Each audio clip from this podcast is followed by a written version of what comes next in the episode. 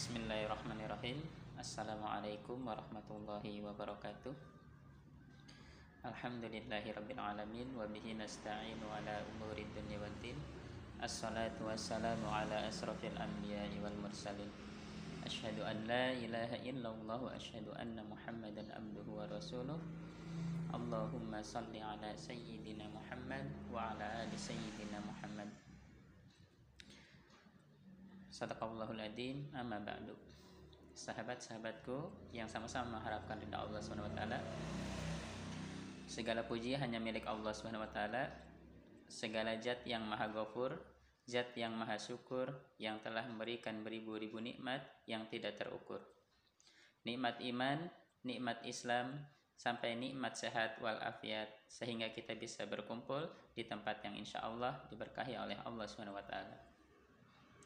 Salawat serta salam semoga tercurah terlimpahkan kepada Nabi akhirul zaman, seorang nabi yang lahirnya membuat goncangan alam semesta, membuat heboh para malaikat yang kalau bukan karenanya tidak akan Allah ciptakan alam semesta ini.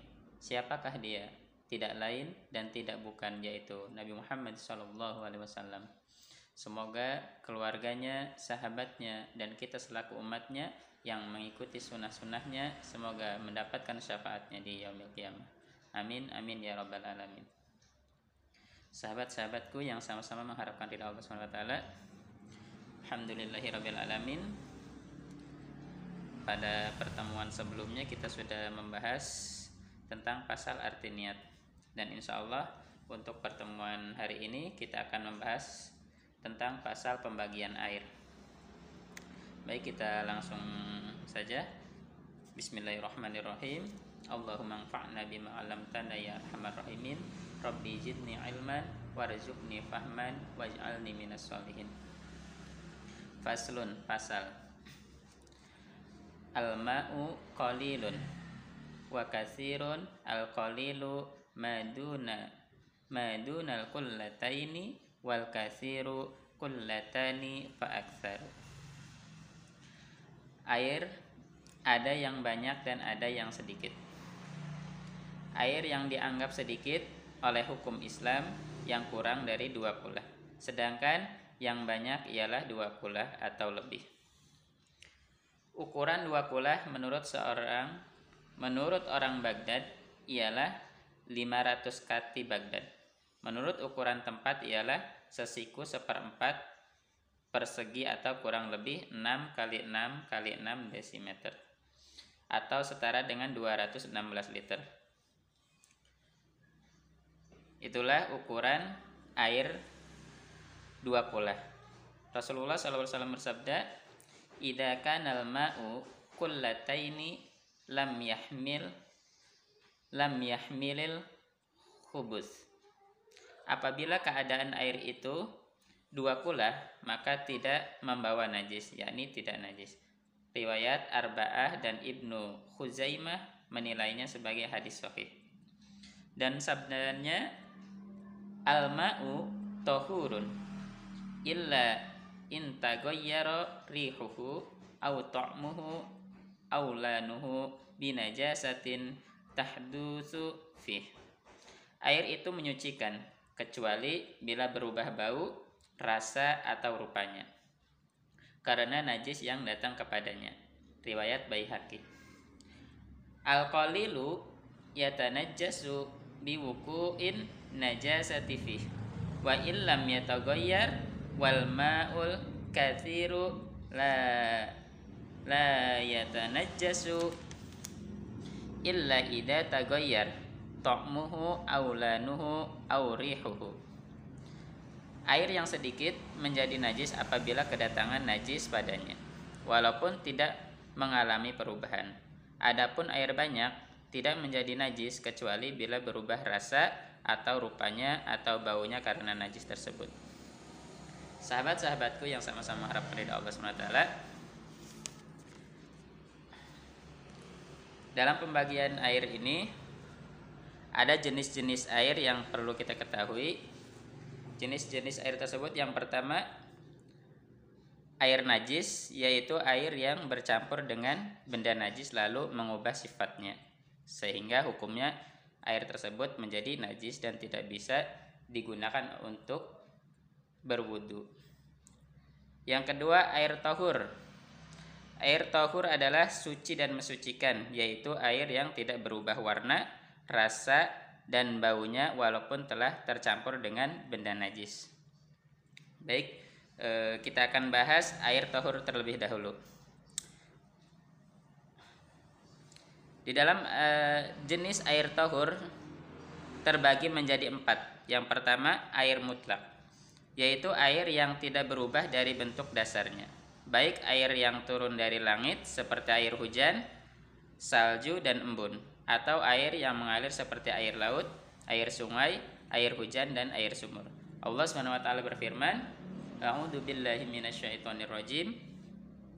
Wa anzalna minas sama'i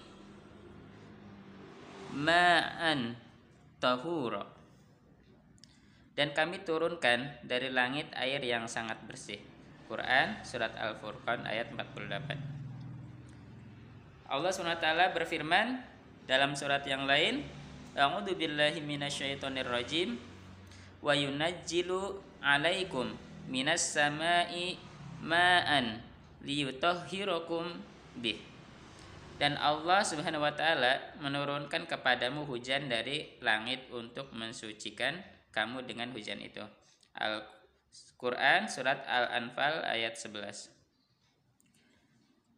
Rasulullah Shallallahu Alaihi Wasallam berdoa sambil mengucapkan, Ya Allah, bersihkanlah aku dari semua kesalahanku dengan salju, air, dan embun. Hadis riwayat mutafakun alaih. Beliau juga bersabda berkenaan dengan air laut. Laut itu suci airnya dan halal bangkainya. Hadis riwayat Ahmad dan Abu Daud. Itulah air mutlak. Jadi e, air mutlak itu yang termasuk dalam air mutlak itu yang sudah kita sebutkan tadi. Yang pertama ada seperti contohnya itu air yang turun langsung dari langit, air hujan atau air salju, embun atau seperti air laut, air sungai dan air sumber. Itulah yang termasuk dalam kategori air mutlak. Dan air mutlak ini bisa untuk dipakai untuk berwudu. Yang kedua, air mustakmal. Air mustakmal ialah yang telah digunakan, air yang telah digunakan, yaitu air yang menetes dari anggota badan orang yang berwudu atau mandi. Dibolehkan menggunakan air tersebut untuk bersuci berdasarkan riwayat yang sahih dari Ibnu Abbas radhiyallahu anhu. Beberapa istri Rasulullah Shallallahu alaihi wasallam pernah mandi menggunakan jufnah atau bejana. Lalu Rasulullah Shallallahu alaihi wasallam hendak berwudu dengan air di bejana tersebut. Kemudian istrinya berkata, "Wahai Rasulullah, saya tadi mandi junub menggunakan air itu." Lalu beliau bersabda, "Sesungguhnya air ini tidak berjunub." Hadis riwayat Tirmidzi. Yang ketiga, air yang bercampur dengan benda yang suci, yaitu air yang tercampur dengan benda yang bersih dan suci seperti tercampur dengan dedaunan atau tanah atau karat tempat penampungan air. Namun, benda tersebut tidak mengubah sifat air itu berdasarkan sabda Nabi Rasulullah SAW kepada para wanita yang sedang mengurus jenazah putrinya. Mandikanlah ia tiga kali atau lima kali atau lebih dari itu jika diperlukan dengan menggunakan air yang dicampur dengan daun bidara. Dan taburkanlah kapur barus pada siraman terakhir. Muttafaqun alaih.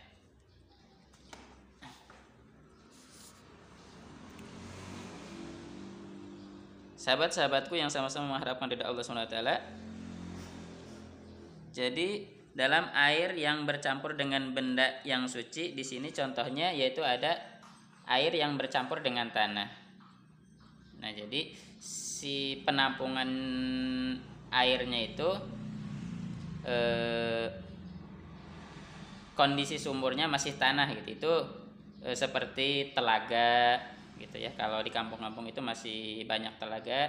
Entah kalau misalkan di kota mungkin sudah tidak ada yang namanya telaga seperti kalau di kampung-kampung itu masih ada yang namanya telaga. Jadi telaga ini airnya langsung dari sumber cuman si bentuk telaga ini semuanya tanah tidak tidak dibenteng dengan semen seperti itu itu airnya suci dan bisa digunakan untuk berwudu atau mandi junub nah Contoh yang kedua, air yang bercampur dengan karat tempat penampungan air. Nah, contohnya toren yang terbuat dari besi gitu ya dan dalamnya itu berkarat. Namun eh, si bentuk airnya ini tidak berubah dari segi warna dan rasanya. Itu bisa digunakan untuk bersuci juga. Dan yang ketiga, contoh yang ketiga itu ya airnya yang bercampur dengan dedaunan. Maka walaupun si air ini te, air tersebut tercampur dengan dedaunan maka si air ini masih bisa untuk digunakan untuk bersuci. Perubahan air jika sebuah benda telah mengubah bentuk dasar air seperti berubah menjadi teh, jus atau lainnya, maka air tersebut tidak sah digunakan untuk bersuci karena tidak lagi dinamakan air ya jadi dari segi namanya juga sudah berubah misalkan menjadi jus menjadi teh gitu menjadi kopi gitu. Nah itu tidak bisa digunakan untuk berwudu atau menyucikan hadas kecil atau hadas besar. Itu tidak bisa ya kalau air tersebut. Yang ketiga air tohur yang ketiga. Air yang bercampur dengan najis namun tidak mengubah sifatnya. Yaitu air yang telah tercampur dengan benda najis seperti air kencing, bangkai atau selainnya namun tidak mengubah salah satu sifat air itu. Air semacam ini tetap dianggap suci berdasarkan hadis Rasulullah Sallallahu Alaihi Wasallam tentang sumur bud'ah. Sesungguhnya air itu tetap suci dan tidak dinajisi oleh benda apa pun. Hadis riwayat Ahmad dan Tirmidzi. Maksudnya Manusia saat itu membuang kotoran di pinggir sumur. Dan terkadang air hujan membawa kotoran tersebut ke dalam sumur.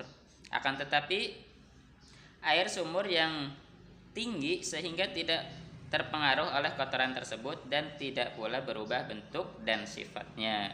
Maka air tersebut masih bisa digunakan untuk bersuci. Karena apa? Dari dari segi ukuran dari segi ukuran airnya juga situ sudah sangat banyak. Sudah lebih dari dua kula atau 216 liter yang tadi kita sempat bahas ya. Gitu.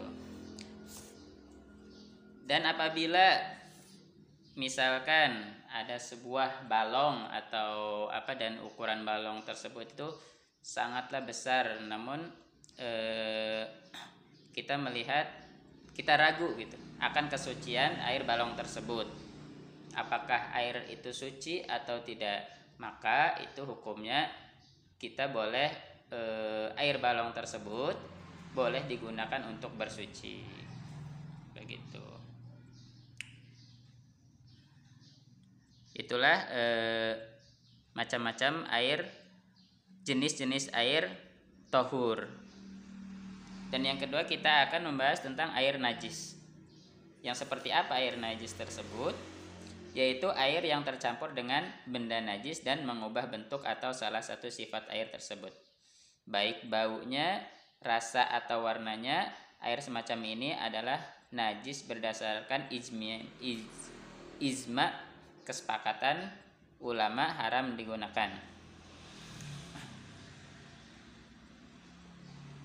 Sahabat-sahabatku yang sama-sama mengharapkan ridha Allah Subhanahu wa taala.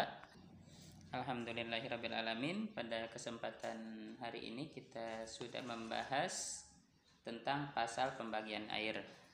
Mudah-mudahan eh, kita bisa mengambil hikmahnya dan kita bisa mengamalkannya dalam keseharian kita karena ini penting ya, penting untuk kita gunakan untuk beribadah kepada Allah SWT gitu jadi kalau misalkan kita mengetahui jenis-jenis air air yang suci dan air yang najis yang tidak bisa menyucikan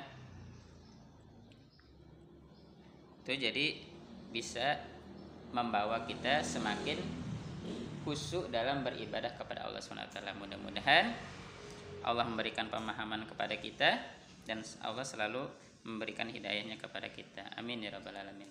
Baik untuk pertemuan yang akan datang insya Allah kita akan membahas tentang pasal yang mewajibkan mandi. Sahabat-sahabatku yang sama-sama harapkan dari Allah SWT sebelum kita akhiri pertemuan kita di hari ini eh, mari kita tutup dengan doa kifaratul majelis wallahu alam bisawab subhanakallahumma wa bihamdika asyhadu an la ilaha illa anta astaghfiruka wa atubu ilaik. Wassalamualaikum warahmatullahi wabarakatuh